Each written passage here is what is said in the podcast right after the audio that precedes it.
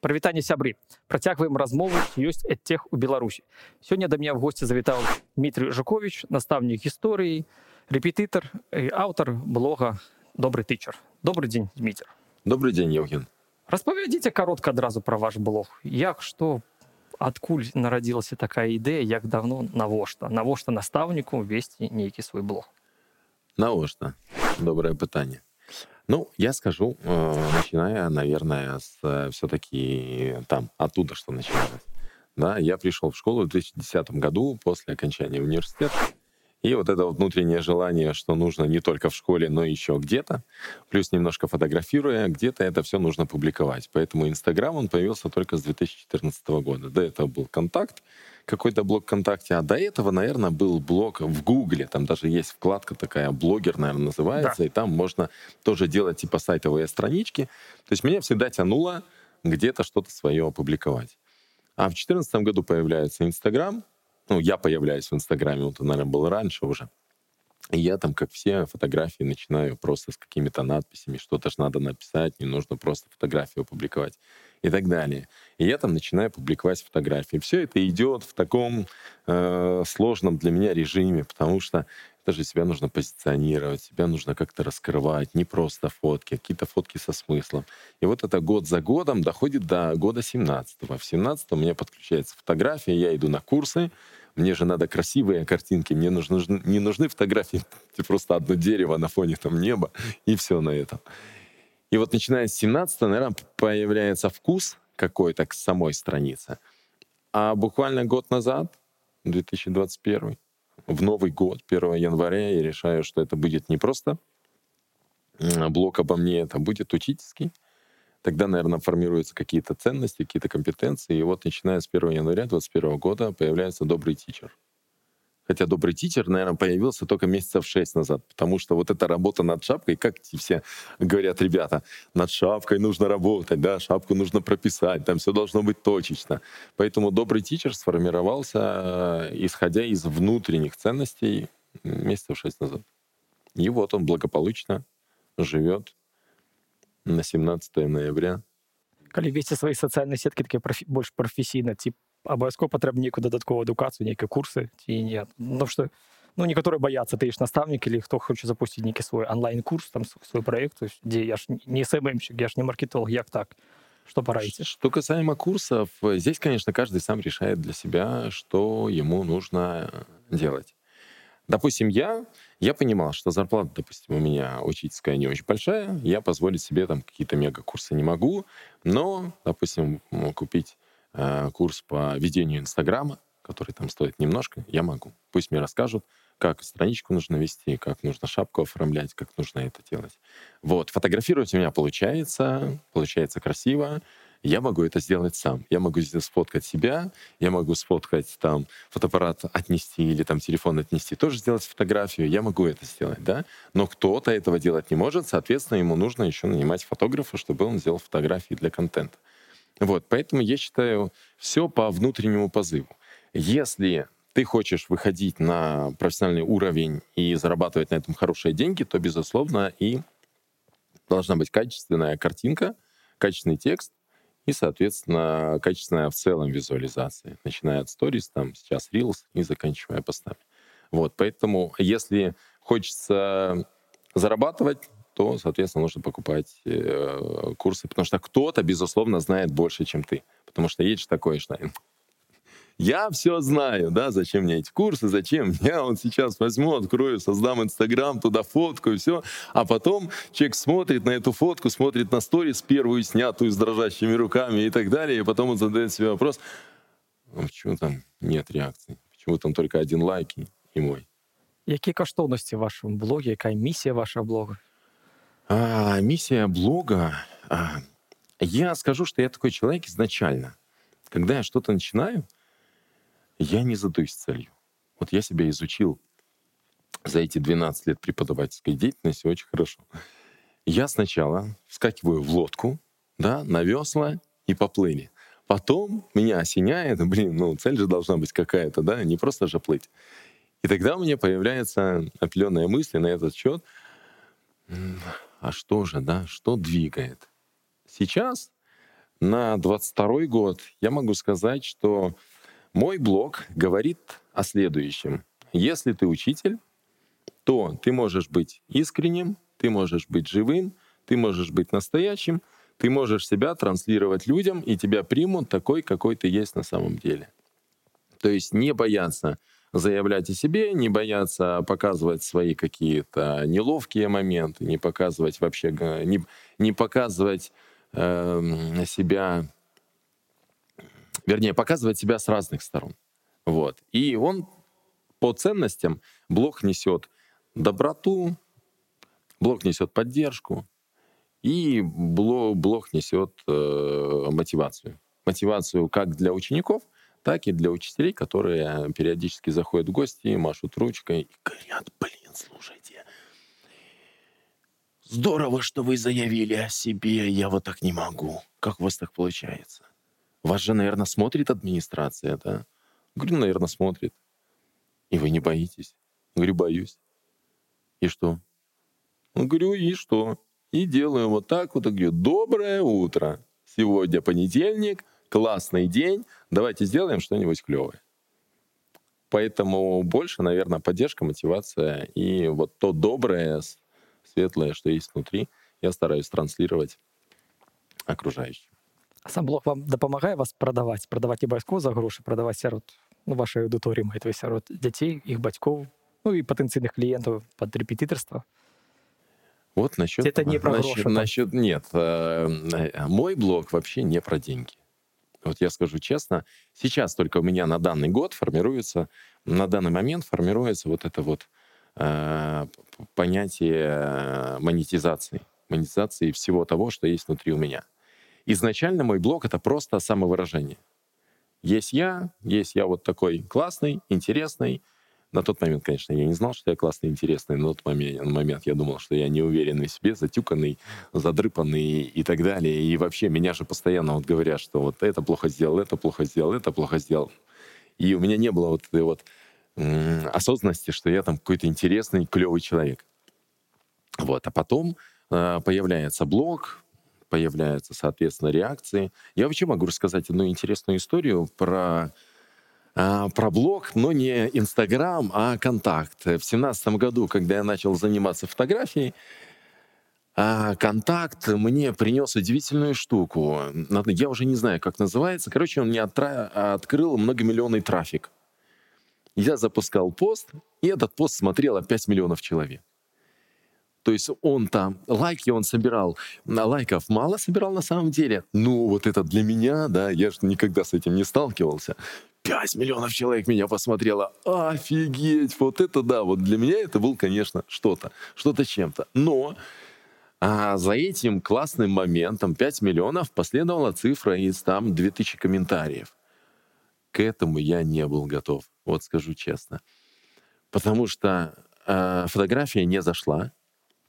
Я не знал на тот момент, что такое хейт что тебя могут сравнивать там неизвестно с чем, и в комментариях понеслась, да ты там криворукий, да ты там это, да тебе вообще фотоаппарат в руки давать не нужно. И один из комментариев был, я его, запом... я его запомнил навсегда. Наверное, там был такой крутой чувак, он написал следующее.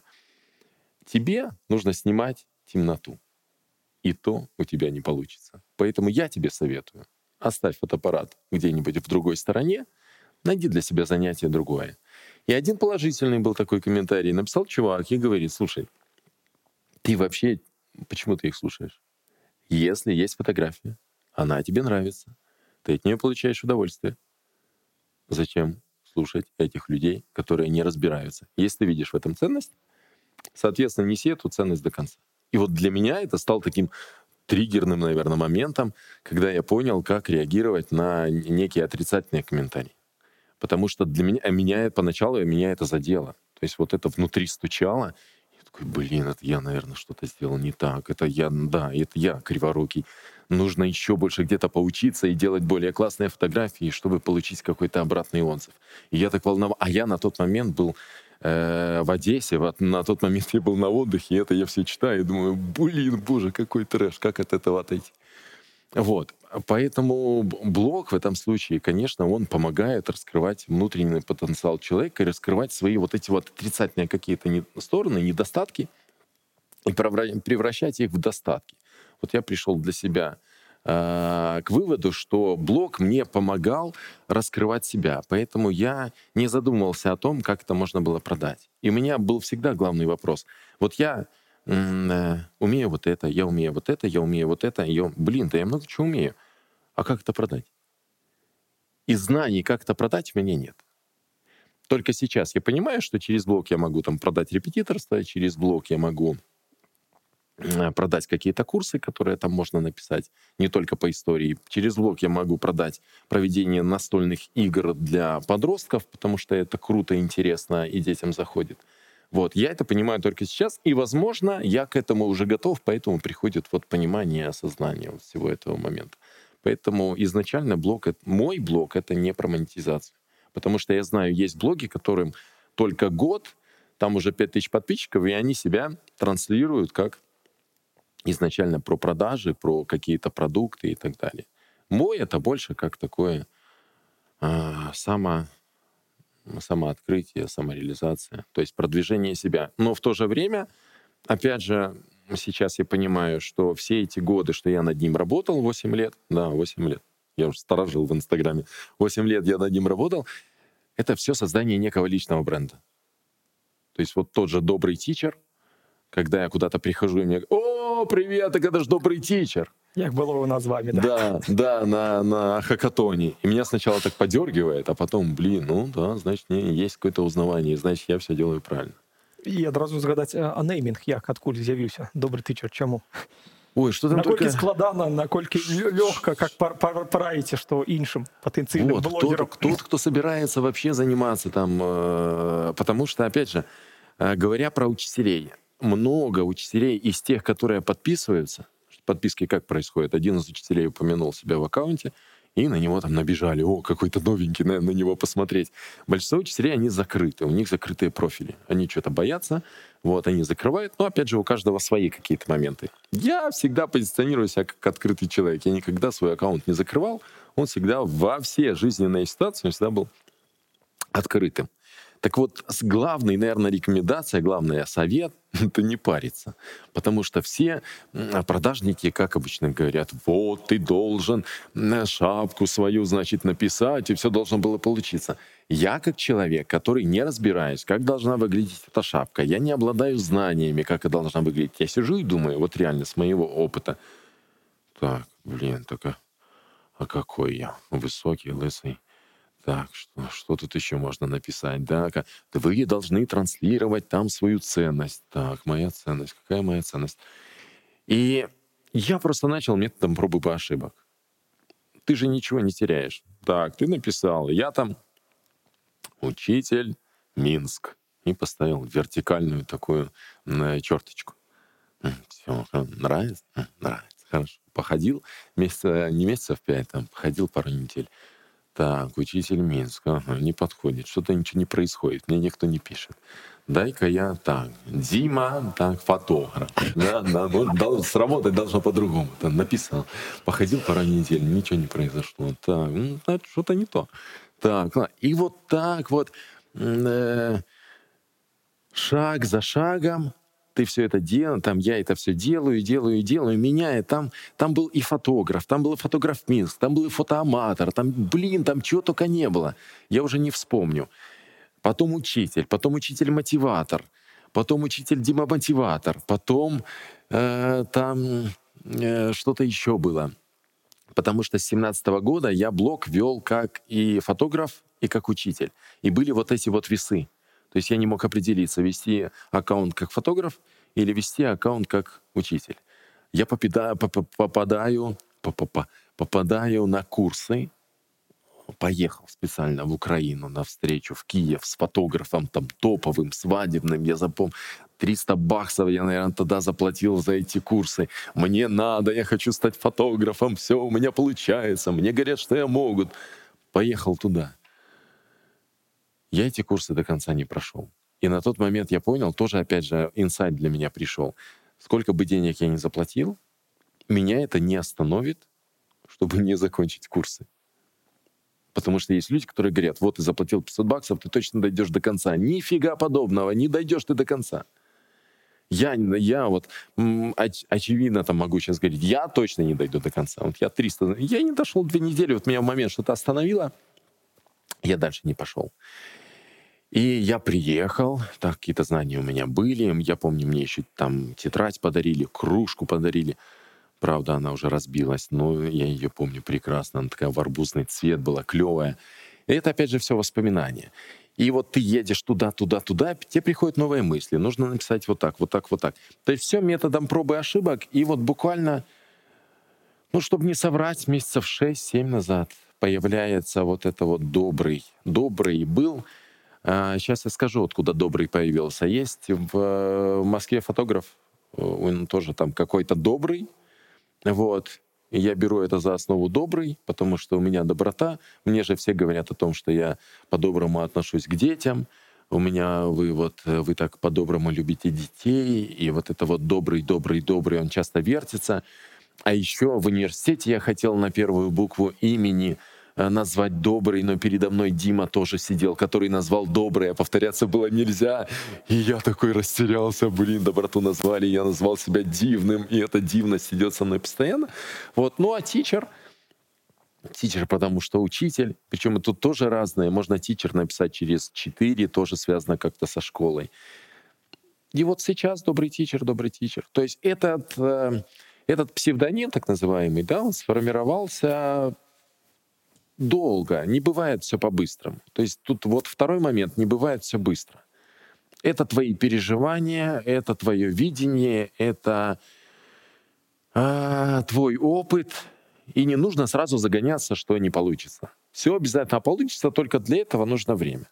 Пшеничное зерно тоже не сразу растет, для него нужно, чтобы прошло время казалі адкрыты аккаунт настаўнікі подписываются что в целом бацькі ці подписываются вучні там былыя дзеючыя подписываются и, и что кажут натхняются что О, это это мой это мой или это наш наш это наших там ці, ці говорят нескромно И да, надо, надо скромнее быть. Ну, да? есть ведь, такое, да. Ведь, Что... ведь эта ж фраза, она всегда идет, надо скромнее быть. Ты такой, ну да, да, ешь. Не нужно заявлять о себе, нужно быть скромнее.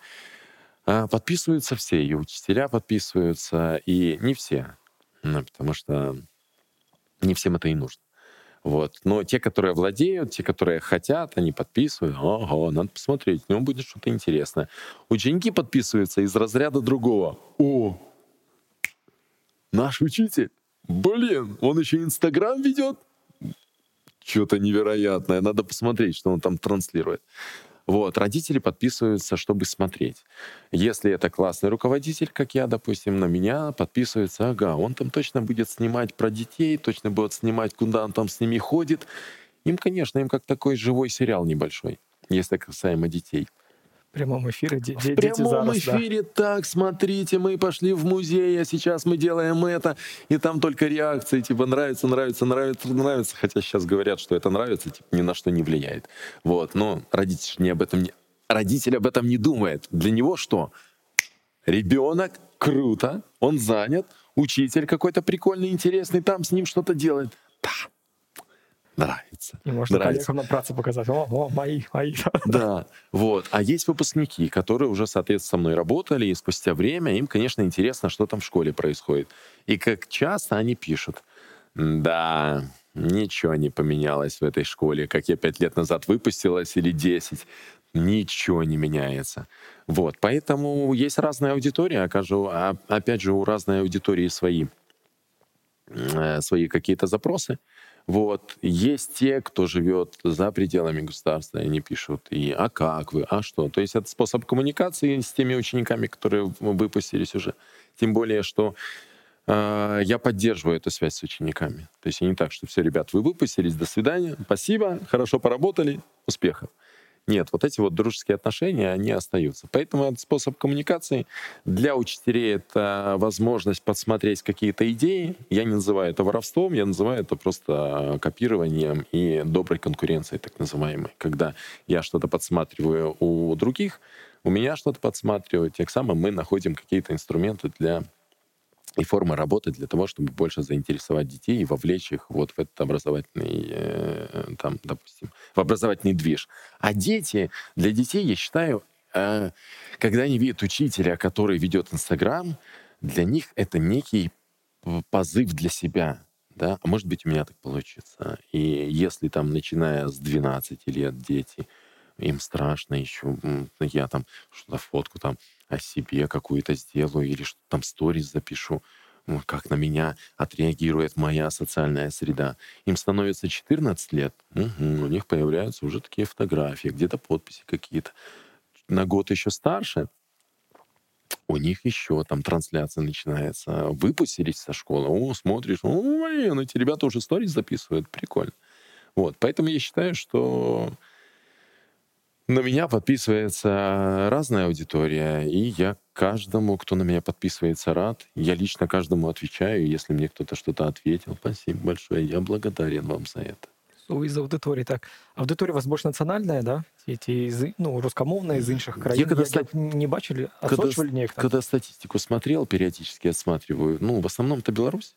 Вот. Кто-то смотрит из России. Ну, пару человек я знаю, кто смотрит. Это э, учителя, с которыми мы законтачились какое-то время. Вот. Пару человек с Казахстана смотрят, э, пару человек с Польши смотрят. Ну, в основном это Беларусь, но есть моментами такими и из других стран. Но это, опять же, я понимаю, кто. Это все выпускники, которые уехали, и, возможно, они где-то рассказали э, кому-то, потому что, опять же, они пишут, они делятся, что, блин, Дима, у тебя какой-то нестандартный подход к детям, это вообще что-то невероятное. Я всем там своим друзьям рассказываю, что есть учитель в Минске, в Беларуси, который вообще по-хорошему неадекватный, потому что он несет детям ценности добра, там, поддержки и говорит, как, что. Ну и, соответственно, они тоже подписываются и смотрят. Вы сами подписываетесь на наставников інших, ну, белорусских, да, из інших країн, і ці не думали самі зорганізувати некую стрім В инсте конференцию с такими же наставниками, блогерами, поделиться своим досвидом. Я вот такой какой-то... Можно и гроши заработать, напевно, на такой конференции. Ну да, может быть. Не думал об этом. Про конференцию не думал, думал только в последнее время про прямой эфир с коллегами белорусскими, которые... Такими же блогерами, да? Да, да, которые пытаются что-то делать. И сейчас, чтобы не потерять мысль, сейчас я отвечу. Я подписываюсь, как некоторые мне сказали, блин, с тобой неинтересно. Ты... Я говорю, ну смотрите, говорю, я же должен понимать, если я подписываюсь, значит, я подписываюсь на что-то интересное, полезное. А, то есть где-то такой подход а, говорю, зачем мне просто подписаться, чтобы я был подписчиком? Это дети очень часто любят. А подпишитесь на меня, пожалуйста. Я говорю, а зачем? Зачем? Я не думал над этим вопросом. Говорю, ты подумай. Ты ответь мне, пожалуйста, зачем мне на тебя подписываться, я обязательно подпишусь. А? Хорошо. Но обычно ответы не приходят. Но есть дети, которые отвечают, зачем на него подписаться, я подписываюсь. И он такой потом, блин, на меня, на меня тичер подписался, клево. Вот. А про учителей я подписываюсь на тех, которые, в которых вижу ценность, в контенте которых вижу ценность, или которые, у которых меня что-то знаю. Вернее, ну, и... такие, может, блогеры приближены до того, что они ведут свои блоги не просто особистые соцсетки, мы на розах можем подписаться. Ну, опять же, должна быть аудитория такая же приблизительно, как у тебя, да, если у тебя там 2000 на тебя подписано, то, соответственно, блогеру, у которого там до 5000, там с тобой интересно как-то законтачиться. Вот, те, у которых 10, 20, 30, они ну, не смотрят на тебя там, на это, как на мелкого муравья такого, типа, он там еще один еще один начинает что-то там из себя представлять, да, но мне пока с ним не интересно, сейчас подожду, посмотрю, что он на себя будет представлять. Если что-то, да, то может быть, там мы с ним. Единственное, что там э, э, Саша, Саша с Зеленограда, я там ему написал как-то, типа, о, клевая там идея, а у него там больше 10 тысяч, наверное, уже, и он, и он отвечает. Это для меня стало немножко неожиданностью, что э, у него нашлось время, и как-то у нас законтачилась такая беседа. Так сам наставник? Да, он, он такой учитель. Я иногда удивляюсь, на самом деле, где он находит это время, потому что он и уроки ведет, и катается по всей России по конференциям, и продвигает какие-то свои идеи, и то, и то, и то, и то. И он всегда в электричке, он всегда в самолете, он всегда в поезде каком-то. Я говорю, Саша, когда ты уроки проводишь? я договариваюсь, все нормально. Ну и плюс я у него идеи подбираю иногда, которые там можно использовать на уроке. И он периодически смотрит мою ленту и о, клевая идея, я у себя попробую. Наступне питання хотів задати. Де берете ідеї, натхнення для постов? Ті просто прийшли, Ой, от, с этим, с этим сложновато, записали. на самом деле. Приходиться Я- я напружуватися, беру- ті просто от прийшло до голови, от зроблю пост. Ті треба подумати, що сьогодні зробити там. Контент, план, Э, який створюється. фу, это не про меня. Это не про меня, потому что я не планер. Сейчас я более-менее начинаю приходить к вот этому плану. Э, Я начал с простого, с плана на день. да, подрасписать какие-то задачи, чтобы структурировать время. Как сказал Аркадий, это э, наставник, который ведет уроки мужества для подростков. Он говорит, главная проблема мужчины в том, что у него нет распорядка дня. Если бы у него был распорядок дня, все горы можно было бы свернуть. Вот. И на самом деле, то есть мальчик теряется, когда у него нет распорядка. Так, я встал, я поел, я сходил в школу, потом у меня тренировка, потом у меня уроки, потом здесь, здесь, так, здесь я засыпаю. День клевый. И все, его это как-то дисциплинирует. Ну Вот. Я больше человек хаус. Да, я там, так, вот этот пост нужно сделать. Окей, я пост пишу буквально на ходу за полчаса. Я его публикую. Зайдет, не зайдет, я об этом не думаю.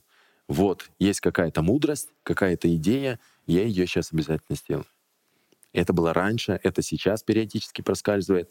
Но в последний год, наверное, я разработал для себя, опять же, в уме, я нигде не расписывал, эм, стараться придерживаться трех постов в неделю. Вот. И, ну, а сторис каждый день.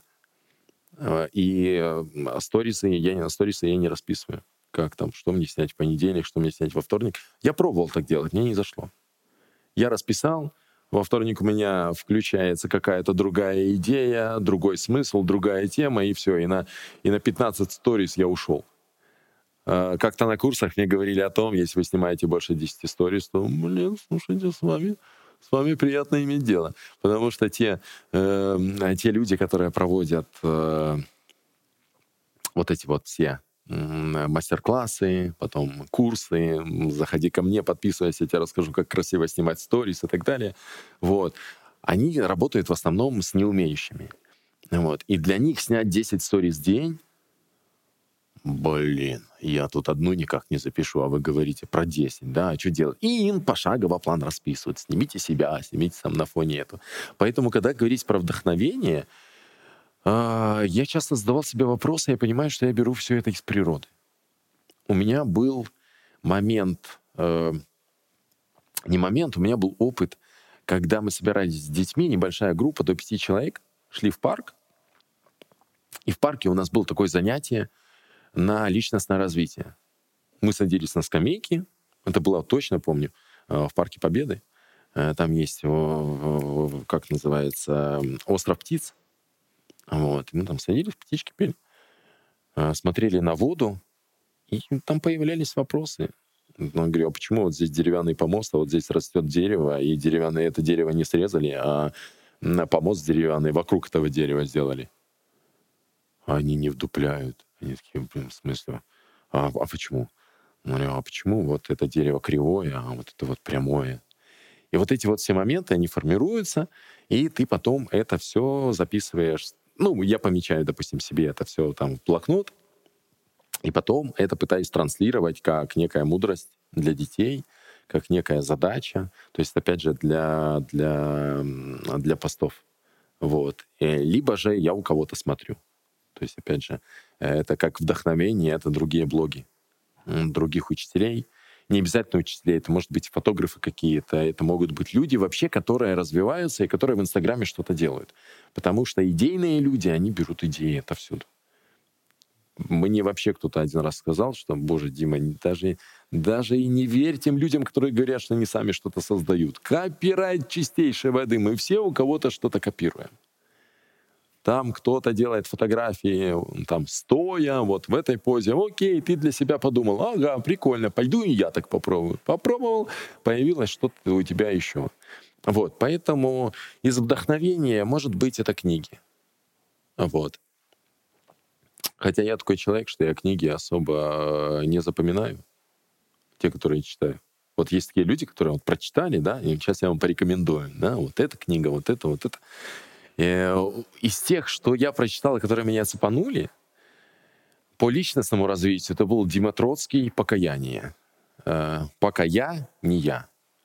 Я маленькая, я большое. То есть вот этот внутренний рост меня цепанул. Да, потому что я всегда не понимал, почему я конфликтую с родителями, почему я конфликтую с мамой, почему я конфликтую с папой. Неужели я такой офигенно особенный, да, а все они какие-то темные люди, и, и все. И вот это вот высокомерие, вот оно давило, давило, давило, и я все искал вопрос, блин, почему, почему так происходит? Почему я не просто не, не могу подойти к маме и «Мамочка, привет, как там? Я тебя люблю» и так далее, по-простому. Почему там какой-то?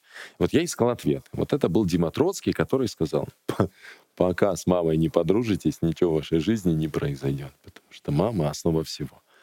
Вот. Э, по учительству это Нина Джексон. Желтая такая ну, красивая книга «Классный учитель». И она э, расписывает у себя все из контекста проблем, с которыми сталкивается учитель. Почему этот ребенок проблемный, а почему вот этот хороший, а как узнать ребенка, а как с родителями подружиться, а как, а как, а как. И вот она дает какие-то практические советы. И ты действительно читаешь, смотришь, ага, вот это можно на практике применить, вот это, может быть, работает. Потом у меня, допустим, может появиться идея, так, нужно как-то сплотить детей. Все, ты открываешь Google, там, игры на сплочение или тренинг на сплочение. Открываешь первые ссылки, не обязательно это первые три, вот, и там тоже какие-то идеи для себя подмечаешь. И все записываю, я все записываю себе в блокнот. Вот это, вот это, вот это, вот это. То есть я бы сказал, что вдохновение я получаю отовсюду, куда смотрит мой глаз. Но нет такого четкого, что я вот получил какую-то идею, сел за стол, расписал ее пошагово, что делать, и вот на день пятый я начал ее делать.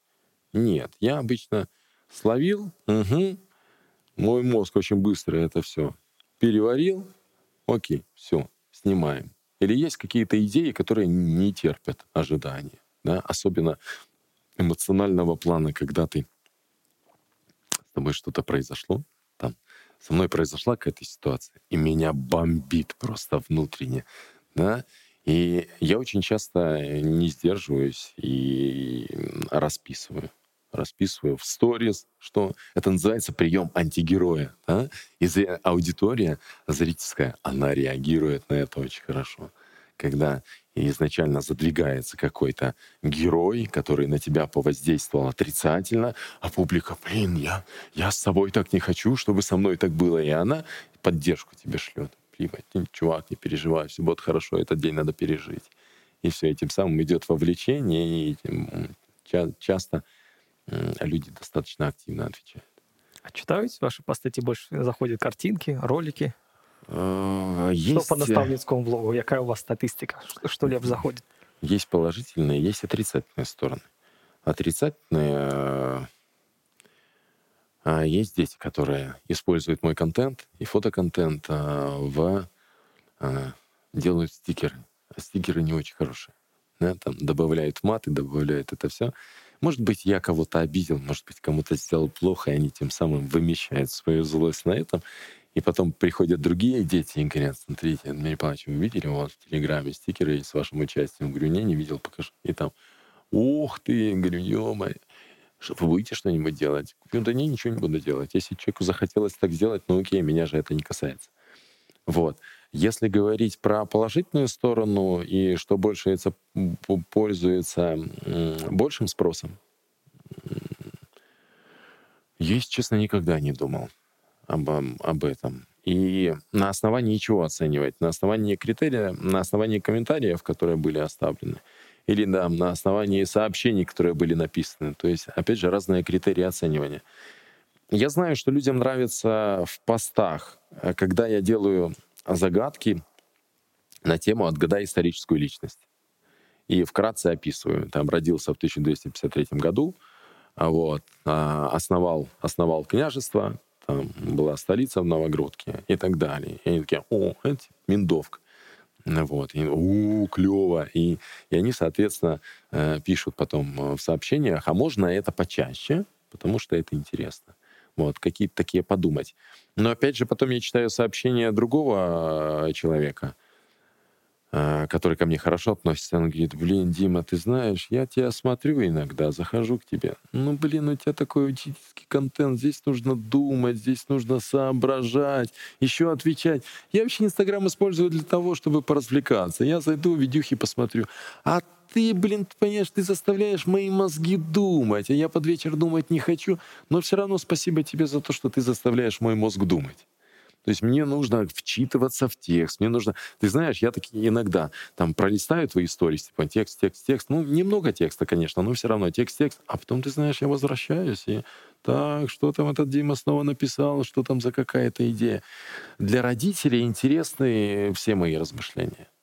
Не буду говорить про всех родителей, вот, но в частности по, по этому году для родителей пятого класса которые меня читают, для них вся та мудрость, которая исходит через сторис, как они называют это мудростью, вот, для них полезно. Как рационально общаться с детьми, как э, подход найти к, к ребенку, а что делать, когда у него там успеваемость упала, а что делать, когда вот это, вот это, вот это. И когда родители в ответ слышат, вы, вы подождите, вы успокойтесь для начала. Как успокоиться? У него же там на 5 баллов. Пфф. У него на 5. Говорю, ну с вами что? Я злюсь? Я говорю, а что вы злитесь? Нет, подождите, Дмитрий Павлович, а, вопрос же не по мне. Говорю, вопрос в первую очередь по вам, а потом уже по ребенку. Нет, я так не привыкла, со мной так родители не поступали. Говорю, конечно, не поступали. Говорю, вы что от него хотите? Ну, чтобы бал поднял. Говорю, а зачем? Ну, чтобы... И здесь человек начинает думать. Я люблю эти моменты, когда человек начинает думать, а действительно зачем? Мы же привыкли, ну, чтобы закончил школу хорошо, чтобы аттестат получил хороший, там желательно выше восьмерки, чтобы потом поступил в университет, чтобы оп-оп-оп-оп, и у него все сложилось. Говорю, сейчас ваш ребенок счастлив или нет? Ай, ну что вы с этой философией? Счастлив, несчастлив? Сейчас нужно вот баллы заработать. И все, и начинается там рассуждение. И для многих это почва для для обдумывания, и потом они пишут, потом они делятся. Это для родителей. Для учителей э, более интересно это, опять же, э, та искренность и тот учительский путь, который закладывается в сам блог. Когда через сторис выходит учитель и показывает свою жизнь такая, какая она есть. Не счастливая, не, там, не долларовая, не так далее. Вот она есть такая. Есть э, взлеты, есть падения, здесь тебя администрация, здесь тебя дети давили, здесь вот это, вот это, и какие-то моменты ты транслируешь, им это отзывается, потому что они не могут это транслировать. Они заходят к тебе делиться. Они пишут, блин, как у вас так получается, а вы не боитесь и так далее и тому подобное. Говорю, давайте вы, вы свое сторис опубликуете завтра. Ой, нет. Говорю, а почему? Он так меня, на меня аж посмотрит. Говорю, ну посмотрят, а ты что? Ну так потом же будут критиковать. Говорю, ну будут. Дальше что? Говорю, вы заплатите, вам будет плохо. Ну, у меня где-то в такие моменты включается некий коуч, включается некий такой психолог. Вот. Но некоторые все равно пишут спасибо вам за мотивацию, потому что я хотела уйти из школы, но почитала ваш блог, почитала вас, почитала, что оказывается можно работать в госшколе и оставаться искренним, интересным детям. Я еще хочу остаться, я еще поработаю. То есть блог является таким неким мотиватором для людей, что, блин, есть все-таки человек, который, несмотря ни на что, продолжает ходить в школу, продолжает транслировать свои ценности, свой путь, свою миссию и так далее. У него получается, может быть, получится и у меня. Поэтому я еще. Наявність такого блогу ці некий інший, інший формата на полупрофесійнай дзейнасці ну, дазваляе пазбегнуць там эмацыйнае выгарання там для настаўніка захавацца там на працы там да нет. Про эмоциональное выгорание это вообще отдельный вопрос. Рядом здесь на Долгинском тракте находится э, Свято-Елисаветинский монастырь, наверное, да, и там есть отец Андрей. он на Ютубе, для меня было открытие, что есть Ютуб-канал этого монастыря. Я вот на него подписался и периодически а, отца Андрея слушаю. И он как-то говорил, эмоциональное выгорание, типа травмы различные, бери лопату, иди копай, да, и не будет у тебя ни травм, ни выгорания, ничего, да, физический труд спасает. Вот у него такой подход. Тут приходит, говорит, современное общество, у него там травма, у него там детская травма, он там траля-ля, траля, траля. Вот, ну, я не знаю, для меня сложно было э, и сейчас, мне кажется, сложно в коллективе, конкретно в школе, э, найти ну, какую-то другую возможность, чтобы э, хотя бы поддержку найти. Потому что от этих всех выгораний, от этих всех моментов спасает действительно поддержка. В школе этой поддержки нет в большинстве. Но я не буду говорить за все школы, ну, я за свою скажу.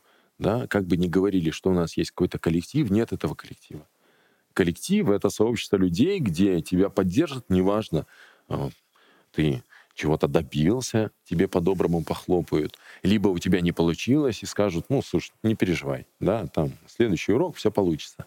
Этого нет. Есть каждый сам за себя. И на этом очень часто хорошо играют когда каждый за себя, нет. Как только появляется какая-то ячейка в школе, где 5-6 учителей, которые объединились какой-то общей идее, ага, так, интересно, что это за учителя, что они там собираются, что они там за... Все, настороженность появляется у некоторых, да, что они там объединились, что за кружок у них там такой появился. Вот. А я все лет, наверное, на 10 искал этих учителей себя в школе, я их не находил. Всегда почему-то оказывалось, что мне больше всех надо. А остальные привыкли вот тих, как там, тихим, тихим шорохом шура, там э, ехал поезд не спеша. Вот. А мне всегда, и некоторых учителей это все злило, зависть какая-то. Я помню, экскурсию организовал в Вильнюс э, на один день блин, если бы сейчас нужно было ехать, я, наверное, не поехал бы. Но на тот момент молодой, активный, девятый класс, есть возможность поехать в Вильнюс посмотреть один день. Без, там, за какие, не бесплатно, а за какие-то малые деньги. Кто? Там набирается, набирается человек 15, совместная экскурсия, все. И я помню, учительница была, она отговаривала детей ехать. Она говорила, вы куда? Автобус может перевернуться, там с вами может что-то случиться. Куда вы? С ним, он же молодой, он неопытный, он же вам не поможет. И она их реально отговаривала. И сейчас эти дети, выпустившись со школы, они часто вспоминают. и говорят, вообще трэш какой-то. Говорит, Вильнюс, виза бесплатна, это бесплатно, только заплатить какие-то копейки. Вот, мы тогда поехали, и там тоже трешняк был свой, но благополучно вернулись обратно, и потом мне ничего не сказали, типа, ну, блин, больше так не надо с ним ездить. То есть, когда мы, не, когда мы блог не берем, вот представим, что у меня блога нет, и все, я в школе заскучал. Там не хватает тех мероприятий для того, чтобы ты где-то себя смог э,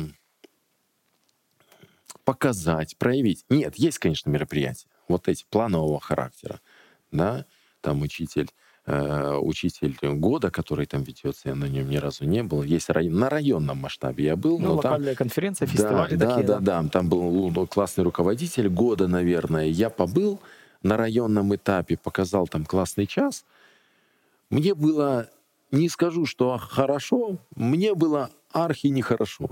Я там волновался, у меня там руки тряслись, у меня там это, на меня кто-то смотрел и так далее. И тому подобное. Я понял, блин, ну пока я не готов к таким мероприятиям. Может быть, конечно, они добавляют мне роста, но они, на них нет желания. То есть ты туда идешь не потому, что тебе хочется, ты туда идешь, потому что школе нужно выступить, школе нужна птичка, нужна, школе нужна галочка, и давай-ка ты...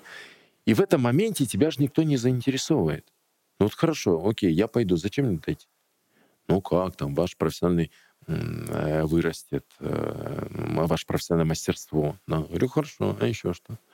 Ну, так, подождите, а почему спрашиваете, типа, что, что вы за это получите? Говорю, ну, и на тот момент ты, у тебя нет такой уверенности сказать, типа, ну, давайте, расскажите мне, какие печеньки вы мне тут на стол по... положите, почему там нужно идти.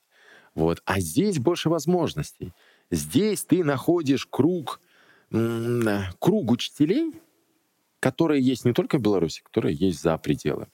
да, и ты понимаешь, блин, оказывается, ты нормальный, да, ты реально нормальный. То, что тебе нужно больше всех, это хорошо. И еще есть такие учителя, которым нужно больше всех. И это тоже хорошо. И давайте находить друг друга. И вот это вот понимание, что, блин, оказывается, все ок. Что, как там Татьяна Азима говорила, с тобой все ок, учитель, с тобой все ок, со мной все ок. Давай думать о том, как бы сделать ок вокруг нас, сделать хорошо. Вот, поэтому я все-таки считаю, что меня блог спасает. И если бы его не было, я, конечно, нашел бы, возможно, что-то другое. Но если убрать все и оставить только школу, это скучно, это неинтересно И выгорание там наступит намного быстрее. Потому что ты придешь, и поддержки ты... Ну, то этично не только школа, могу сказать, что на любой праце бываешь. Вот праца уже не приносит такого. Кольки бы грошей вона не приносила, треба некое напівпрофесійне паралельне життя, чимось займатися. Да. Хтось і волонтерів, хтось спортом напівпрофесійно займається, хтось і викладає додатково, там працює зі студентами з учнями. Ну, разные форматы. Ну и здесь важный момент, на самом деле, э, по своей школе я скажу. У нас есть, допустим, спартакиада от профсоюза она идет. И у нас напряженка кого взять. Кому в теннис поиграть, кому в волейбол поиграть, кому на лыжню съездить, кому, кому, кому. Потому что кому из не предложи, ой, нет, я не умею. И я на это всегда смотрю с другой стороны. Есть ребенок, вот ученик, он ходит в школу, он смотрит на учителя. С кого пример брать? Ну окей, ты хороший предметник. Ты знаешь свой предмет на, на 10 баллов. Ну хорошо, есть еще один ученик из параллели, которому тоже хочется знать, допустим, математику на 10 баллов. Что делать остальным? На кого смотреть в окружении из учителей? С кого брать пример? А дети, они же цепляют это очень быстро сразу. Они находят того учителя.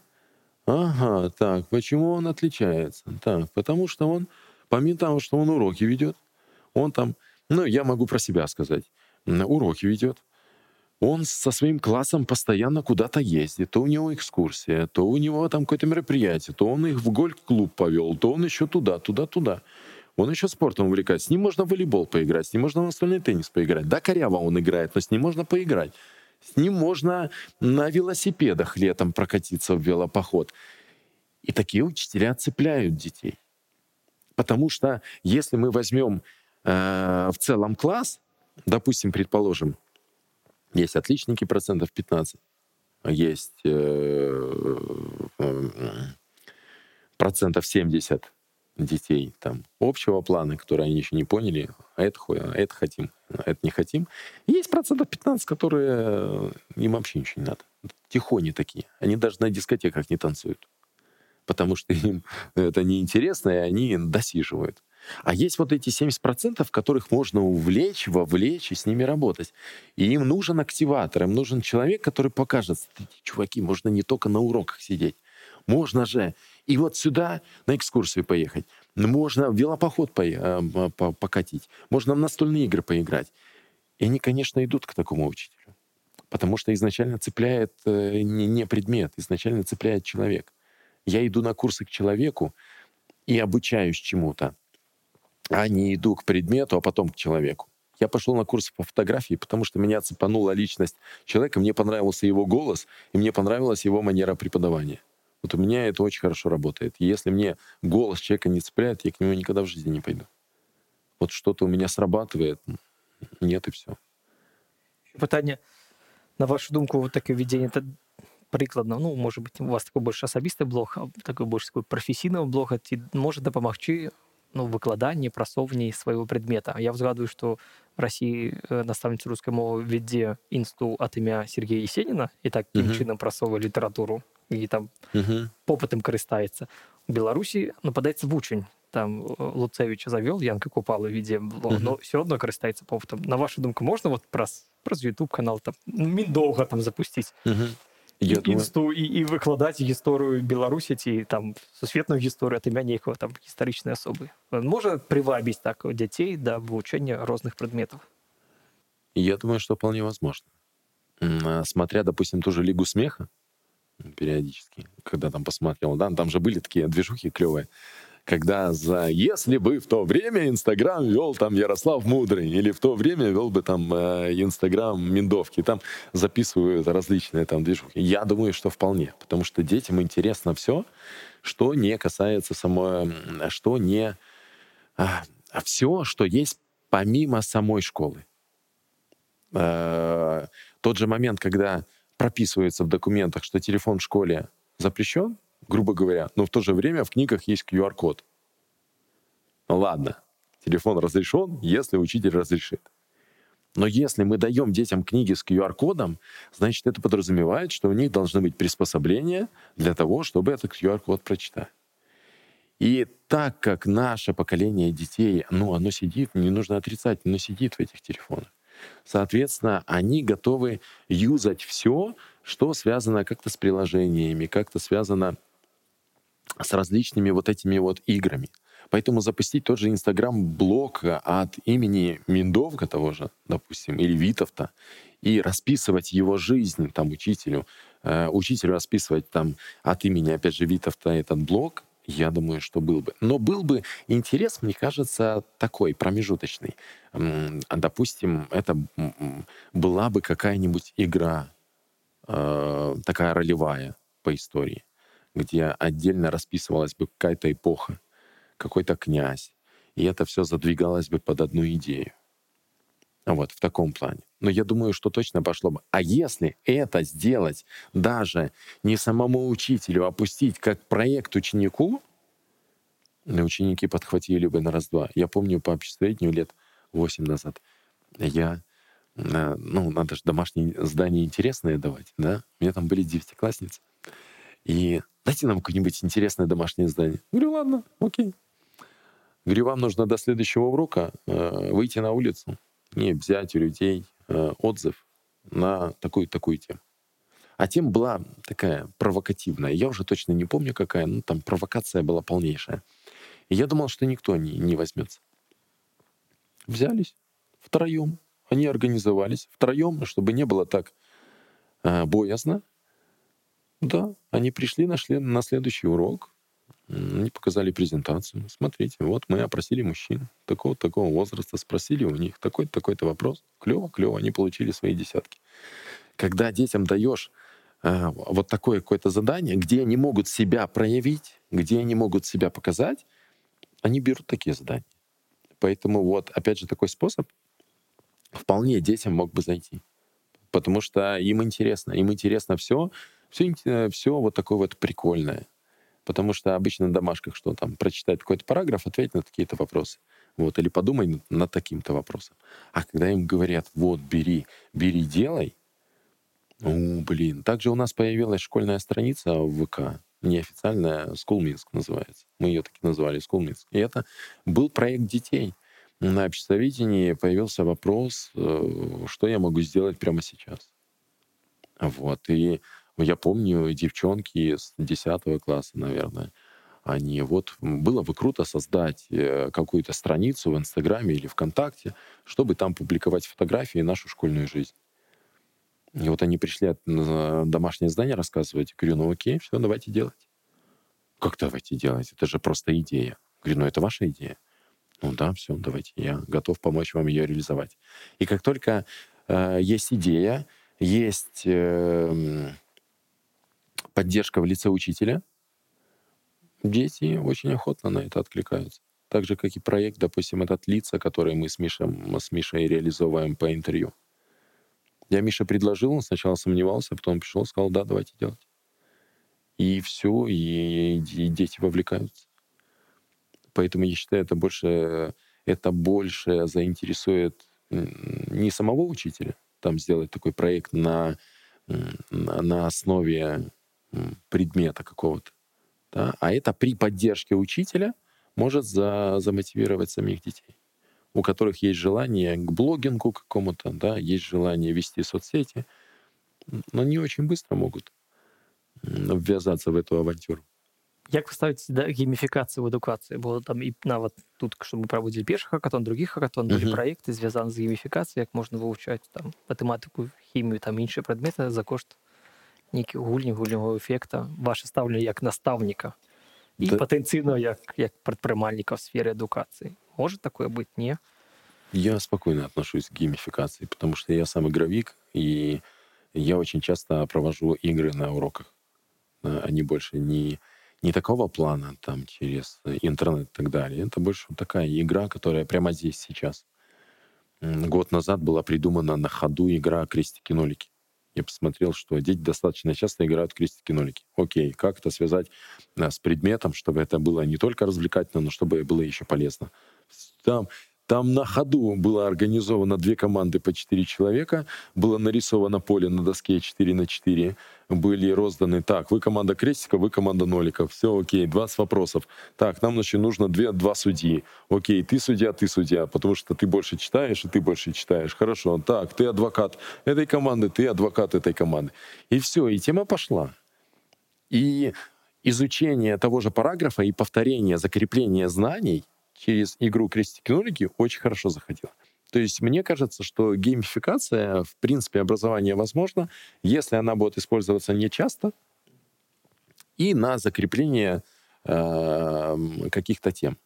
Потому что, опять же, чтобы закрепить, нужно что-то знать. А что-то знать э, в процессе игры не всегда это качественно.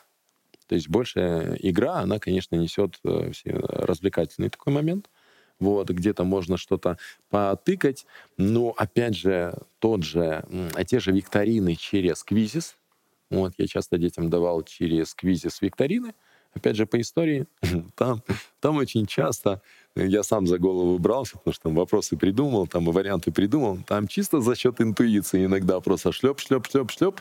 Но для ученика, у которого стоит 3 балла, допустим, по предмету, и он для него десятка, это предел мечтаний. И он такой, блин, оказывается, в телефоне можно что-то, и он там садится дома выполнять. Ему папа такой говорит, что, телефон? Ты, ты что?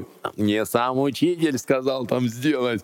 Что? Да, я посмотрю. Ну, батя берет телефон. Так, куда там нужно заходить? Там тык-тык, бах, 40 баллов, да, 4, там 40 процентов. Ну, а я считал в процентах, соответственно, бальная такая система. 40 процентов заработал, до, до 4 могу поставить.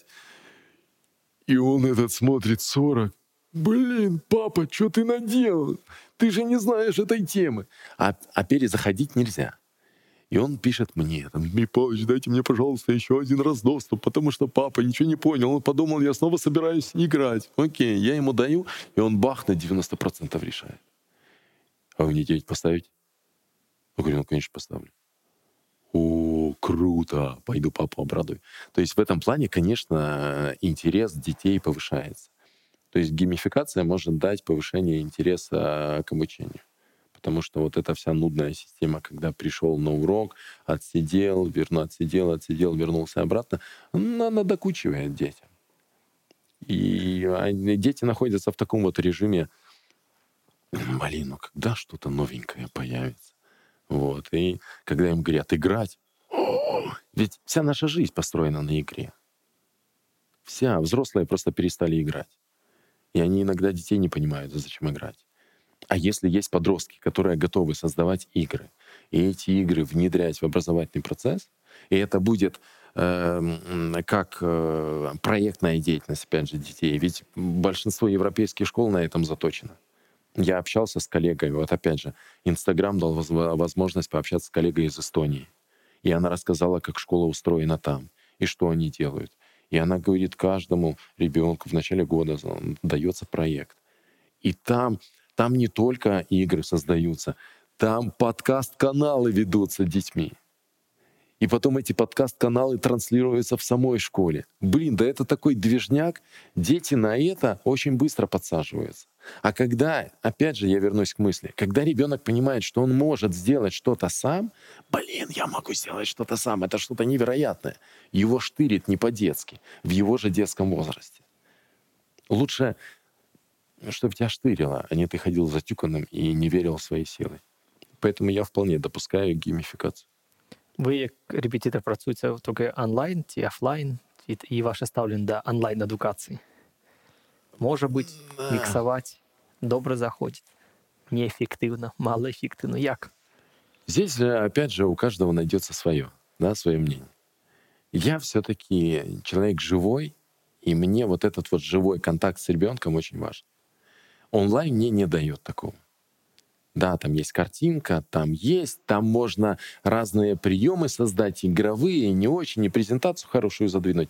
Но мне важно, ну, как говорится, ребенка пощупать. Да, вот он прямо здесь и сейчас, прочитать его эмоции, какой он, что, что с ним происходит. В этом плане онлайн не заменит, безусловно. Так же, как и робот не заменит учителя. Да, потому что учителя можно пощупать, учителя можно обнять, учителю можно дать пять и так далее. Вот, для меня это важно. Ну, я практикую и тот, тот вариант. То есть я могу как общаться онлайн и, соответственно, проводить урок, так и офлайн. Но офлайн мне нравится больше, потому что здесь есть живой контакт э, с ребенком. Ну и плюс у меня какие-то спонтанные идеи могут возникать, соответственно, я могу это практиковать вот прямо сейчас офлайн. Вот, но если э, если если если есть интерес у кого-то дальше 20 километров, да, то, конечно, онлайн спасает. Потому что это твои деньги, это твое время, и это твой заработок. И, безусловно, эту возможность нужно использовать. И здорово, что э, есть такие э, інструменти для проведення онлайн-уроків. Ну, як почав займатися темою тех в Білорусі, особливо перед, перед підрихтовки до хакатона, перше другое, ну, доведався, ну, став все познаваць, што все больш в Беларусі шмат, вялікая колькасць фрилансераў такіх, які mm -hmm. уже Ну і частка ўжо і ў дакавідны перыяд а з кавідам еще больш пачалі працаваць ну, на весь свет пераважна больш рускамоўны свет але ад австраліі да ЗША яны uh -huh. працуюць нармальна хто трэнер йохі хто трэнер бега uh -huh. хто зразумела рэпетытары па разум предметам э, ваше вот стаўленне як такого ж фрилансера скажем uh -huh. так э, я задаю это пытанне ўсім усім сваім гасця вот карпорацыі стартапы mm -hmm. супраць фрилансу на вашу думку фриланс застанецца ці фриланс калі-нибудь памре такія вялікія кампаніі карпорацыі стартапы там ну, платформы скажем так маркетплейс заберут под сябе весь рынок бо шмат таких ну ты ж рэпетытар які выкладаюць просто праз вайбер праз інсту там все mm -hmm. не готовы пакуль што маштабаваць вот ціхім сапа маюць свою тут тысячу зарабляюць там все добра mm -hmm. а каб ствараць аб'яднацца запускаць свае стартапы пакуль што не гатова ваше меркаванне ці фриланс будзе жыць ці трэба баяцца таких вот кампаній карпорацый вялікіх што яны праглынуць все там заберут я всё. думаю что останется точно потому что если смотреть э, в историческое прошлое да, ведь э, мануфактуры не везде были да, где-то были мануфактуры а где-то ремесленники индивидуально работали и они зарабатывали свои деньги, и им хорошо жилось. Поэтому в истории все циклично. И если хорошо разбираться и знать в истории, то можно сделать вывод немножко наперед.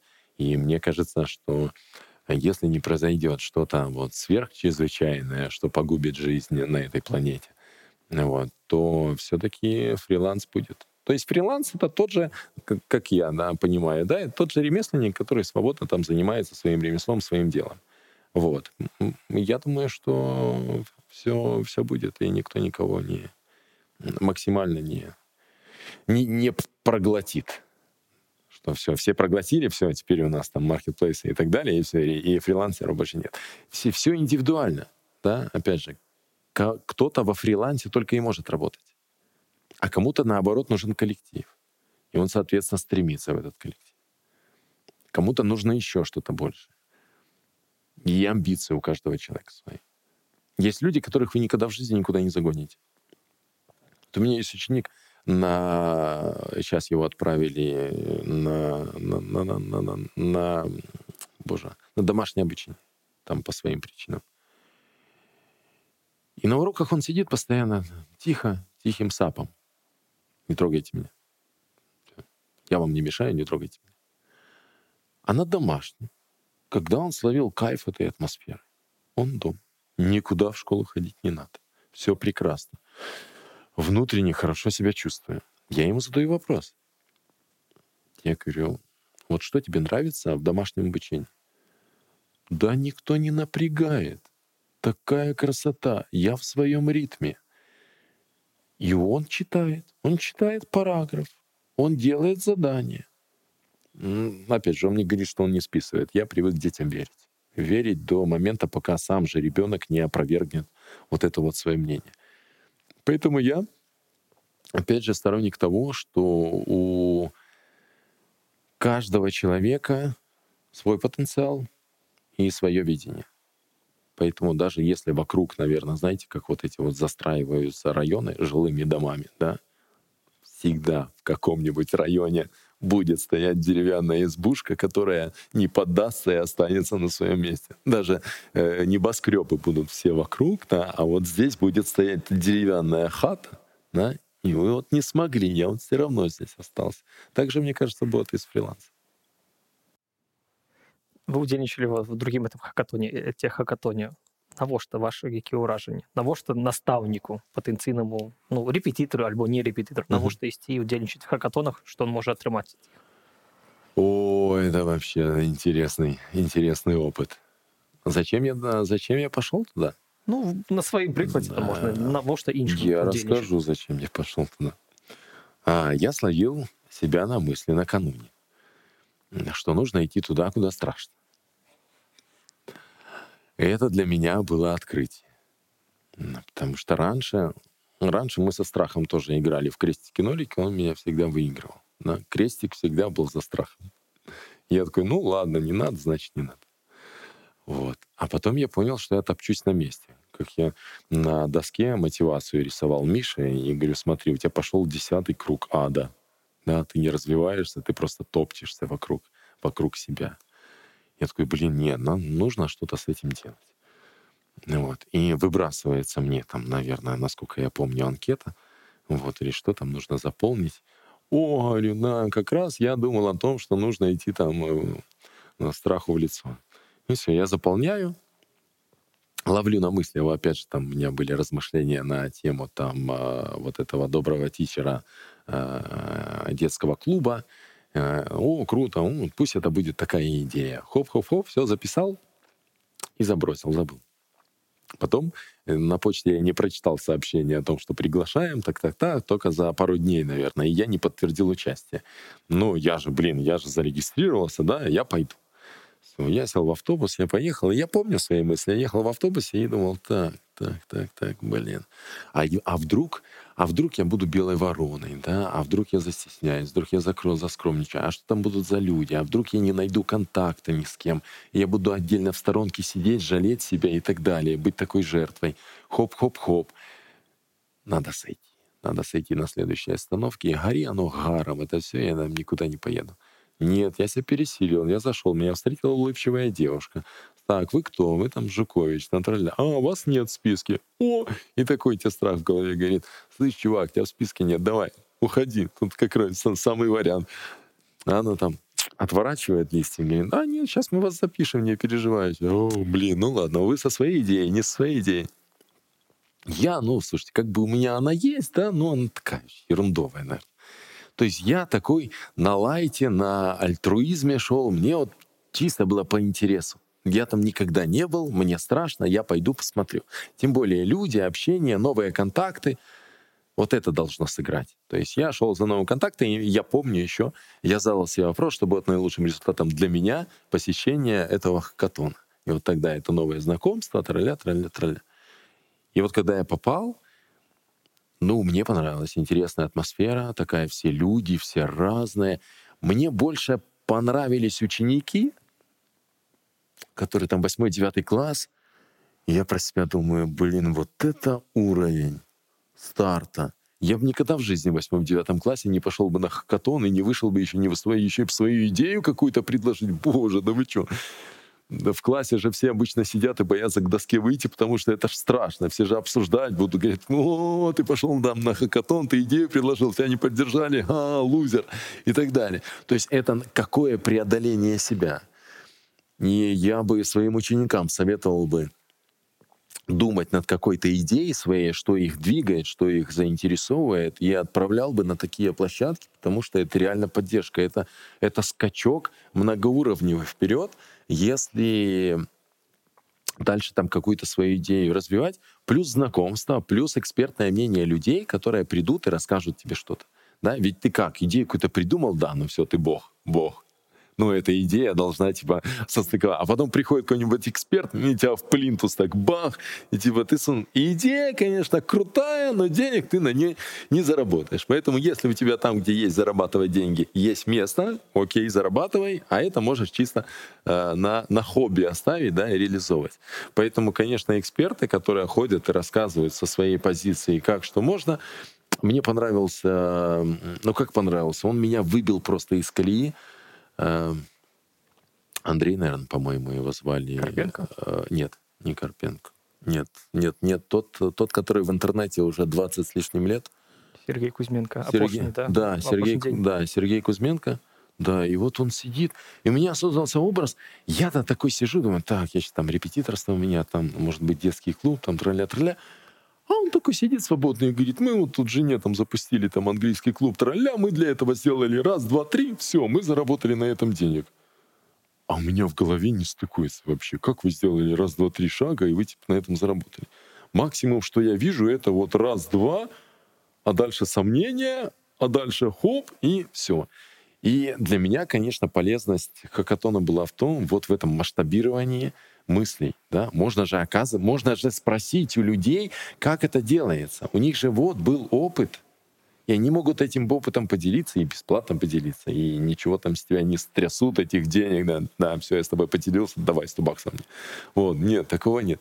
Вот, поэтому в этом плане хакатон, конечно, для меня был такой разрывом шаблонов определенных, что, оказывается, есть площадки, на которые можно ходить, можно заявлять тебе. И даже если ты полный лузер, тебя там не раскритикуют, тебе помогут. Еще и пиццей тебе бесплатно накормят, и там еще, еще, еще. Ты, главное, давай, давай идеи.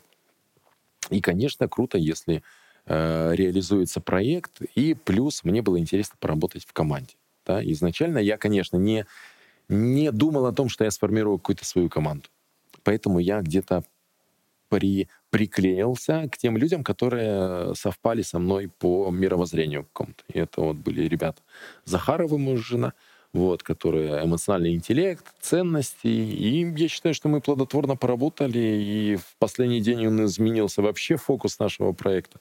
Вот сама атмосфера, дружелюбность, люди, которые вот к тебе там та же Надя, которая там подошла, о, привет, Надя, я тебя знаю, давай будем вместе. И ты такой, о, типа, я не ожидал, типа, такой там, да, я помню твои слова, которые, да, давай раскручивай этого тичера, а то он тут ходит, э, стесняется и так далее и тому подобное.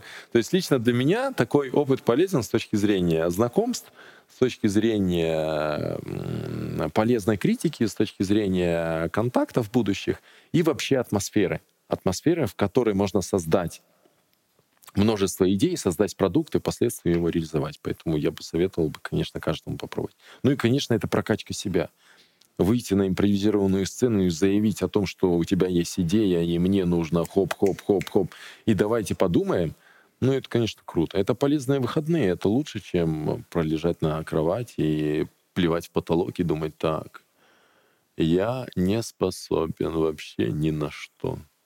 Вот. И образ жизни, конечно, других людей. Вот они рассказывают, я там полетел туда, я там полетел туда, я там туда. И такой, блин, оказывается, можно летать. А я-то думал, что можно только до школы и обратно. И больше в твоей жизни не должно быть ничего. Потому что тебе говорят об этом постоянно. Поэтому для меня, конечно, безусловно, новый опыт. И я этот хакатон помню с точки зрения эмоций, потому что эмоции были записаны на, э, на, на, на, на, на подкорку. ну, стикаючи, як я працюю в приватній сфері, там і стикаючи з многими, ну, в принципі, достатково шмат людей, які були наставники. Хоча б по адукації, mm-hmm. час працювали. На вашу думку, потенційно у наставника є ідеї? Є ідеї для запуску ніяких своїх стартапів, своїх бізнесів? Ой, сложно. Ну, человек 2-3 в школе найдется, 100%. А ну, если умножить, а если умножить, школ, там, да. умножить там на 280, кто там говорил сейчас, 200, 280 там школ э, в Минске. А, то? па Мінска пабіла да, 3000, ну, да, например, да, там, да, так, да. Ну, и, в принципе, потенциальных стартаперов. Просто хапает. учитель не думает об этом. Он не думает, что... Он думает, э, вот есть два в нашей школе, да, их постоянно терроризируют. М-м, нас, наверное, только двое. И у них нет вот этого понимания, что, оказывается, рядом с нами ходят еще 10, которые более-менее... Знаете, есть такие учителя, которые мне говорили, Юрий Павлович, мы с вами, но если что-то случится, мы не с вами. И это прям офигенная поддержка людей. Да? То есть Куш они- поделим, Да, Если да, да, да, авто, да. да, нас не было. Да, да, да, да. То есть, если есть какой-то риск, мы от него откажемся. Типа, блин, бес попутал, мы его не поддерживали, это, это он нас э, заколдовал, заарканил и так далее. Э, И это таких большинство учителей. Они готовы, не готовы язвить, не готовы там э, высказывать некое недовольство, но чтобы давайте с вами соберемся, да, подумаем, что можно сделать, нет. Таких учителей, да, вот парочку есть, и вот если их, конечно, объединить, мне кажется, что из, то из этого может что-то получиться дальше. А вот та часть, которая не ахти, они потом подключатся, потому что им на самом деле все равно к кому подключаться. Ну, ладно, вот эти заявились, начинают что-то двигать, ну, окей, мы подключимся к ним. Вот. А так, чтобы вот если взять отдельную школу, рассмотреть, Не, не, в целом. Э, то целое меркование. если, если отдельно школу, то это Ну, и учителя нормально. 2-3, м, ну, может быть, 4. Хотя есть, мне рассказывали, школы действительно крутые, классные, где там пытаются формировать коллектив, где пытаются заявлять о том, что школа — это э, микрогосударство, и пытаются детей вовлекать, и у них все выстроено с точки зрения там некого школьного парламента. Мне кажется, такие, опять же, на, на фоне Беларуси э, пару, пару таких школ, где реально это от души, от сердца, и это пытаются двигать. И там есть некое наставничество, менторство, коучинг, э, вот. А в целом это один-два учителя, и их нужно, опять же, вот через, через сети выдергивать, говорить, смотри, да, мы с тобой вместе думаем, давай что-нибудь еще подумаем. Ну, в стартапах такое буває, як не тільки про наставники, коли починають, типу, о, треба вкладуватися, треба працювати. Ні, ні, все, хлопці, я пішов, а якщо дотримовуються там про полгода год, я ж з вами починав, і ми ж разом, пам'ятаєте? В школе Мы то же разом переняли. самое. В школе учителя не готовы вкладываться в свое самообразование. Вот это вот для меня было открытие, потому что когда я первый раз заплатил 200 рублей за э, коуч, коуч-курсы, вот, и я потом у коллег спрашивал, не-не-не, какие 200 рублей? Что? Коуч? Зачем он вам? Вы вообще с какой планеты? Да, я нормально себя чувствую. Перебивайте мої Я- питання. Я ору на детей, и это работает. Все. Зачем, зачем учителю что-то другое, если он орет на детей, это работает? Гуманное? Что? Разговаривать с ним? Личность в нем видеть? Успокойтесь, Дмитрий Павлович. Хотите коучингом заниматься? Занимайтесь. Ну, як ми розпрацьовуємо, ну і наші там підписчики, глядачі этих проекты, стартапы будущие, что можете сказать, ну, все ваши отказы, все гости, они могут натхнить кого-то. Ну, ви самі набиваєте некие послуги онлайн, онлайн-едукацію, ті користаєтеся, ті, чого вам не хапає, що ваш отказ може натхнити вам як фізична особа і, може бути, як професіоналу, чого вам- за які б курси, які сервіси ви готові були б платити? Коли Ну, б з'явилися, конечно. коли, ну, Безусловно, если... э, ну, я так отвечу. Любое... Сейчас. Любое развитие, оно требует вложений. Да, нет, нет такого, что ты родился со всеми способностями, да, тебе учиться не нужно. Ты получил в школе образование, типа все, ты готов. Еще в ВУЗе получил, да, ну все. Нет, я... э, слушайте, я за все время ведения Инстаграма ну, я не знаю, я, может, долларов 700 суммарно я потратил. Там причем были такие покупки, где были деньги относительно свободные у меня лежали, и я такой, блин, ну надо, да, ну они ж вот, типа, лежат, надо. Ты туда, 300 баксов. А потом, ё-моё! Вот, и так, зачем? Мог бы там на другое. Вот, я такой человек, что я покупаю. Если мне что-то нужно, там, допустим, коуч-курсы, я купил коуч-курсы. Если мне кто-то предлагает консультацию, я понимаю, что из нее что-то можно взять, я готов за это заплатить консультацию, потому что я понимаю, что человек потратил время, человек тратит на меня время на саму консультацию, и, соответственно, он м, дает какую-то качественную услугу. Лично для меня она будет полезна. Вот. Если это какой-то продукт, там, курс какой-то покупается, м, там, лично... Ну, я не помню, что я последнее покупал, но ключевая идея, что я готов заплатить за... А, а такого, чого не хапає? Може бути, що що хотіте? Є потреба чимось по- подвучитися онлайн дистанційно, там, хоч, хоч з Америки, хоч з Австралії. Мгм. а не ведаеце як можа каб нашы людзі смаглі падсуеціцца прыдумаць няма Чего такой они? патрэбы вялікай ну хто хто што у кого-то ёсць хто называе кого няма там карыстаюцца тым што ёсць і, і нармальна Вот этот вопрос сложно. ну то есть няма няма такой Сложно. асаблівай Да, патрэбы я, што- я бы не сказал бы, что сейчас нам, мне нужна какая-то конкретная потребность м, в плане образовательных каких-то услуг. Вот. Но если бы, была- бы была, опять же, если бы была, какая была, вот, э, я пока, я, наверное, эм, мне, наверное, сложно понять суть вопроса до конца.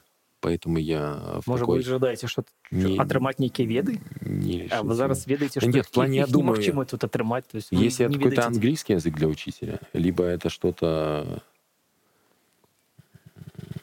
по опыту коллег я знаю, что английский, да, они, вот они учатся. У меня есть коллега, она учится английскому языку, но она находит на на, Ну, на, бачите. на офлайн. Ага. Вот. Вот. А есть... э, Нет, безусловно, есть учителя, у которых есть потребность в обучении, и они что-то ищут. Э, Но в основном это курсы английского языка. И опять же, они связаны либо с отъездом куда-то, вот, либо с, ну, репетиторство, да, либо люди уходят в IT, и им нужен английский, они учат английский, соответственно, как правило, это молодые э, коллеги, у которых заканчивается два года отработки, и они заранее, там, соответственно, учат английский, уходят в IT и прекрасно себя чувствуют. Но это если говорить про э, образовательные услуги с точки зрения там, английского языка. Вот. Я покупал курс у Александры из Санкт-Петербурга. Э, У нее был курс по играм, по использованию игр на уроке. Вот. И она, соответственно, ну, то, что неплохо это все стоило делать. Вот, я покупал нее, чтобы э, там посмотреть, как она играет на уроках, какие игры она делает. Но по нашей аудитории, по белорусской аудитории, по учительской, я как-то думал над вопросом, готовы ли наши учителя платить за то, чтобы что-то использовать себя на уроках. И я пришел к выводу, что м, процентов 5-7, может быть, учителей всей Беларуси готовы платить за вот что-то, что использовать там, допустим, на своих уроках. Потому что, ну, в большинстве, да, из тех, с кем я общался, это низкий уровень заработной платы, соответственно, я не готов платить. У меня как-то был вопрос, э, идея, говорю, давайте давайте принтер учительской поставим, да, потому что, ну, не хочется отдавать большие деньги в печатных центрах.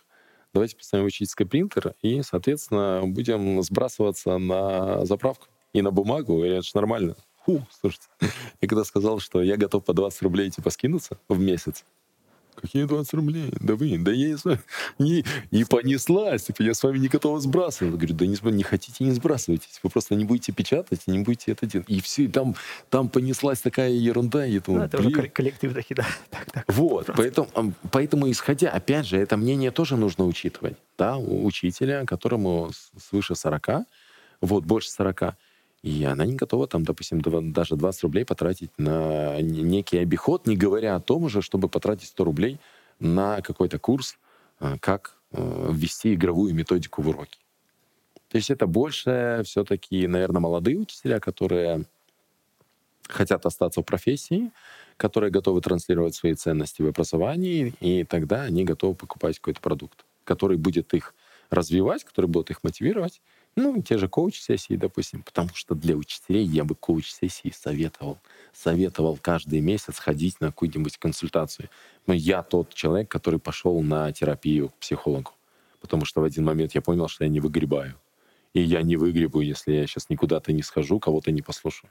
И я пошел к психологу, я поговорил с психологом, я на терапию сходил, поговорил на терапии. Она мне помогла, сказала мне, что, чувак, с все хорошо, все нормально, иди двигай.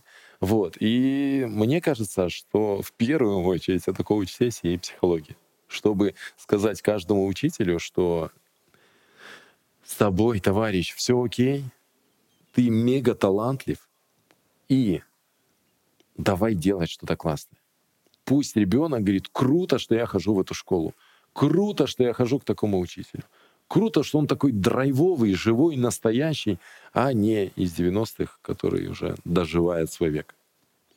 При этом есть меркаванне што ну настаўніку прынцыпе дастаткова шмат 106 тысяч афіцыйна ну нават калі там крыху менш што і меркаванне што яны таксама плацежаздольная аўдыторыя безумоўна не все як в любой прафесіі там а каля 10 20 30 тысяч готовы плаціць это таксама рынок і некаторыя настаўнікі прыдумваюць запускаюць нейкія свае стартапы прадукты под сваю аўдыторыю бо ведаюць ну можа там не 100 рублей там 20 ну, Мгм. дзе як то есть ну это меркаванне у вас такое а ёсць Ну, іншае может быть. патэнцыйна да Просто я, я, я не мыслю і не такими... все бізнесы бачаць бо настаўнікі таксама п'ют квас там что-нибудь Мгм. іншае там хто-то паліць хто-то ездит на авто карыстаюцца каву. мобільнымі да то есть і таксама это таксама аўдыторыя і можа быць Мы, Это- я вот да, перебью, мы, да, да. допустим, по утрам, э, е- есть такой Леша репетитор, мы с ним э, ходим э, по субботам э, в кофейню.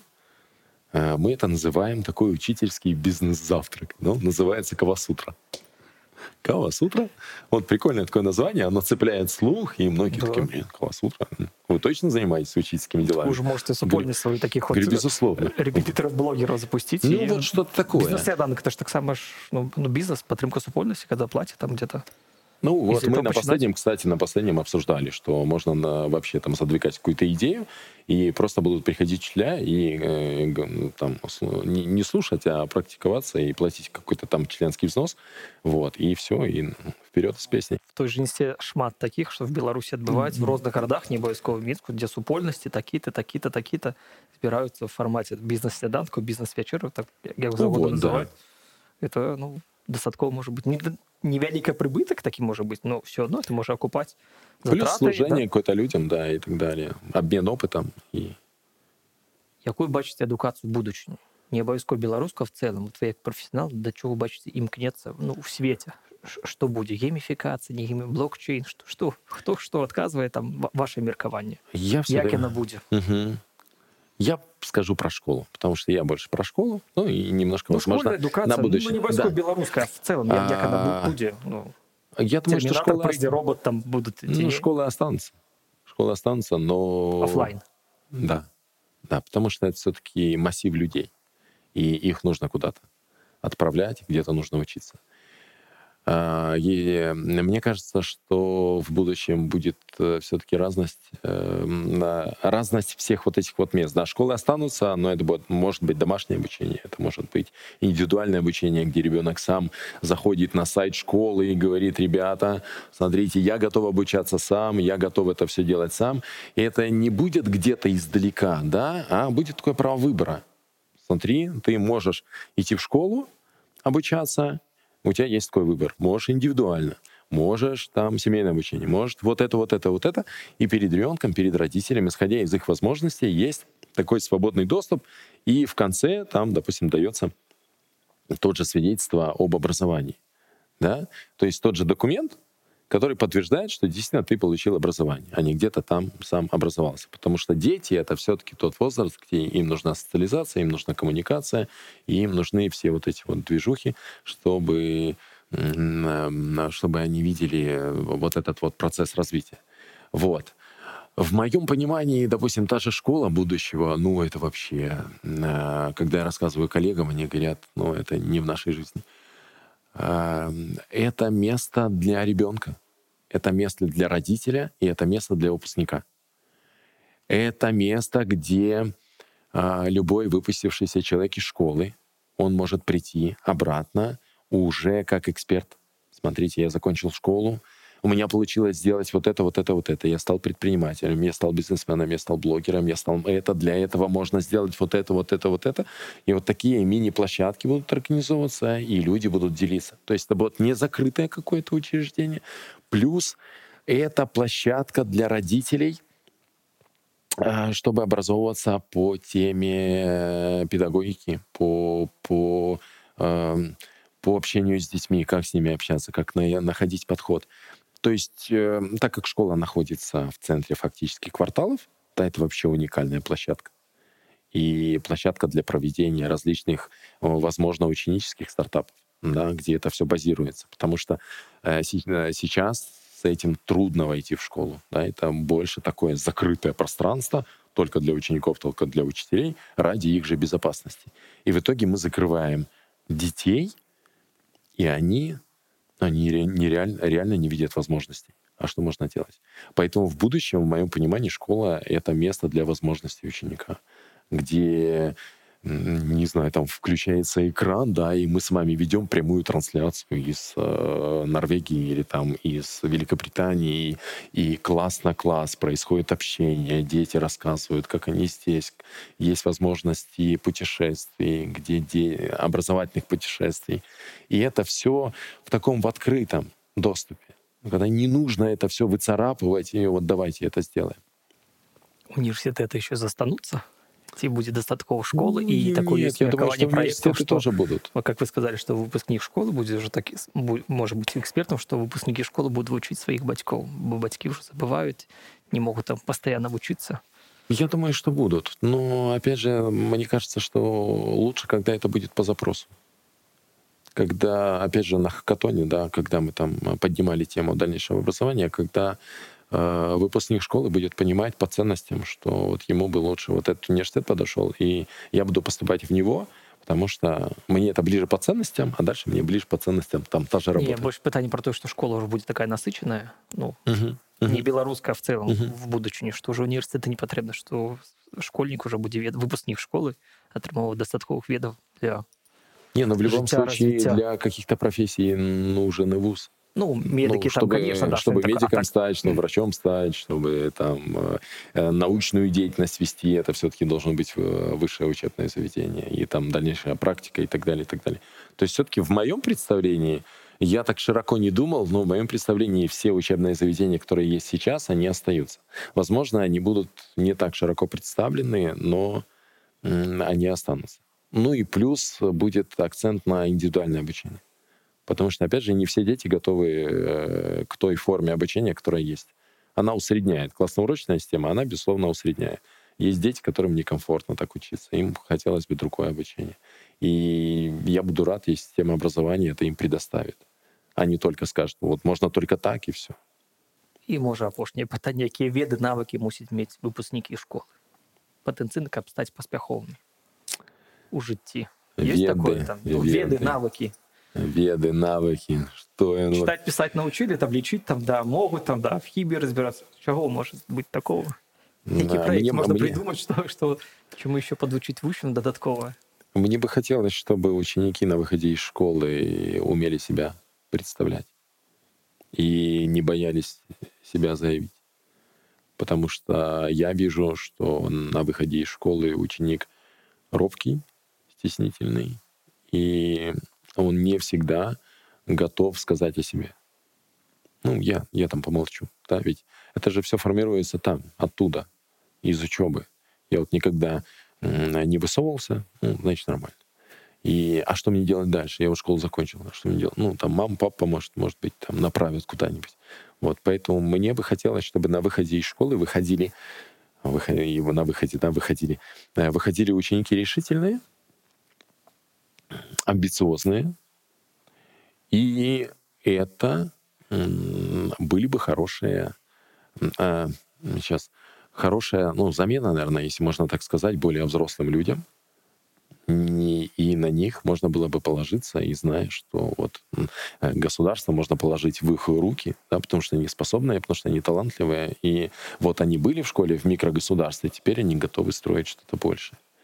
И на сегодня, допустим, я акценты ставлю на этом, когда я ученикам говорю, вы можете круто знать предмет, но если ваша коммуникация хромает, то вы можете никуда не идти. Ну да, вы пришли на собеседование, вас спросили, насколько вы знаете математику? Вы сказали, на 10. Да, окей, так. И какой-нибудь нестандартный вам вопрос, и все, и вы сели. Вы сели, потому что вы думаете там системно. Вам сказали вот так думать, вы думаете. А все, что нестандартно, там я люблю на, на доске написать какой-нибудь там пример, там из разряда Е незаконченная буква. Говорю, что я написал? И кто-то говорит Е. Говорю, почему Е? Ну, потому что вы не закончили Е. Говорю, может быть, здесь а, цифра какая-нибудь. Ну, мой мозг дорисовал Е. Круто, что твой мозг дорисовал Е. То есть вот это вот креативное мышление. И круто, когда таких детей побольше. Потому что большинство заходишь в класс, Что ты рисуешь на доске? Говорю, дайте мне какую-нибудь креативную идею. Дайте, что, вот что будем сейчас делать? Ну вот, вы пришли на урок. Вот ваши 45 минут. Что мы будем делать? Это ваше время. Что будем делать? И вот на них смотришь, они...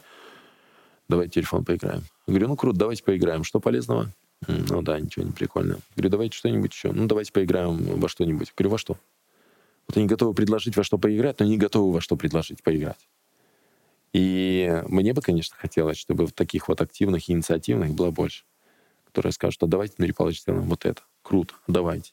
Ну и здесь важна, опять же, поддержка учителей, чтобы они сказали, классная идея, давай попробуем, я тоже такой же драйвовый. Давай видеоблогинг, давай, окей, давай радио, радио в школе, окей, давай, как будет радиостанция называться, а давайте подкаст писать, давайте писать подкаст. И все. И тогда, конечно, ребенок, он, он видит, есть идея, есть ее продолжение, есть ее реализация. А когда есть идея, его сразу, ну, слушай, прекрати детские какие-то визги, да? Ну, откуда идеи появятся, если их сразу зарезают? Поэтому на выходе, конечно, ученик должен обладать хорошей коммуникацией, которая позволит ему налаживать контакты с другими. Вот. Он должен э, чувствовать опору, в первую очередь на себе, даже если весь мир будет в него не верить. Главное, чтобы он верил в себя. Опять же, вот эта внутренняя уверенность. Вот. И, конечно, программный материал. Но, как мы с вами знаем, взрослые помнят процентов 20 школьной программы, если помнят. На 40 процентов, как отказал батька тогда. Ну да, или на 40 процентов. Вот, а все остальное там где-то ненужное забывается. Я хотел бы сказать спасибо за встречу. А, интересный опыт, безусловно. И, как я уже говорил в самой, в самой встрече, что нужно идти навстречу своим страхам, и тогда открываются возможности, и обязательно все получается. И если есть желание вести блог, то это желание нужно реализовать. Как говорила моя выпускница Юля, Марий Павлович, как мне записывать сторис так, чтобы вот я не стеснялась, чтобы было все хорошо? Я говорю, бери и записывай. Блин, у вас так классно получается. А как, а как мне попробовать? И круто. Юля теперь фитнес-тренер, у нее активно получается вести сторис. Так что вперед с песней, и все обязательно получится. Сябры коллеги, сегодня в гостях у меня был Дмитрий Жукович, наставник истории, репетитор, автор уникального блога «Добрый тычер». Ставьте лайки, подписывайтесь на канал, делитесь виды с вашими коллегами, сябрами и покидайте свои комментарии. До встречи.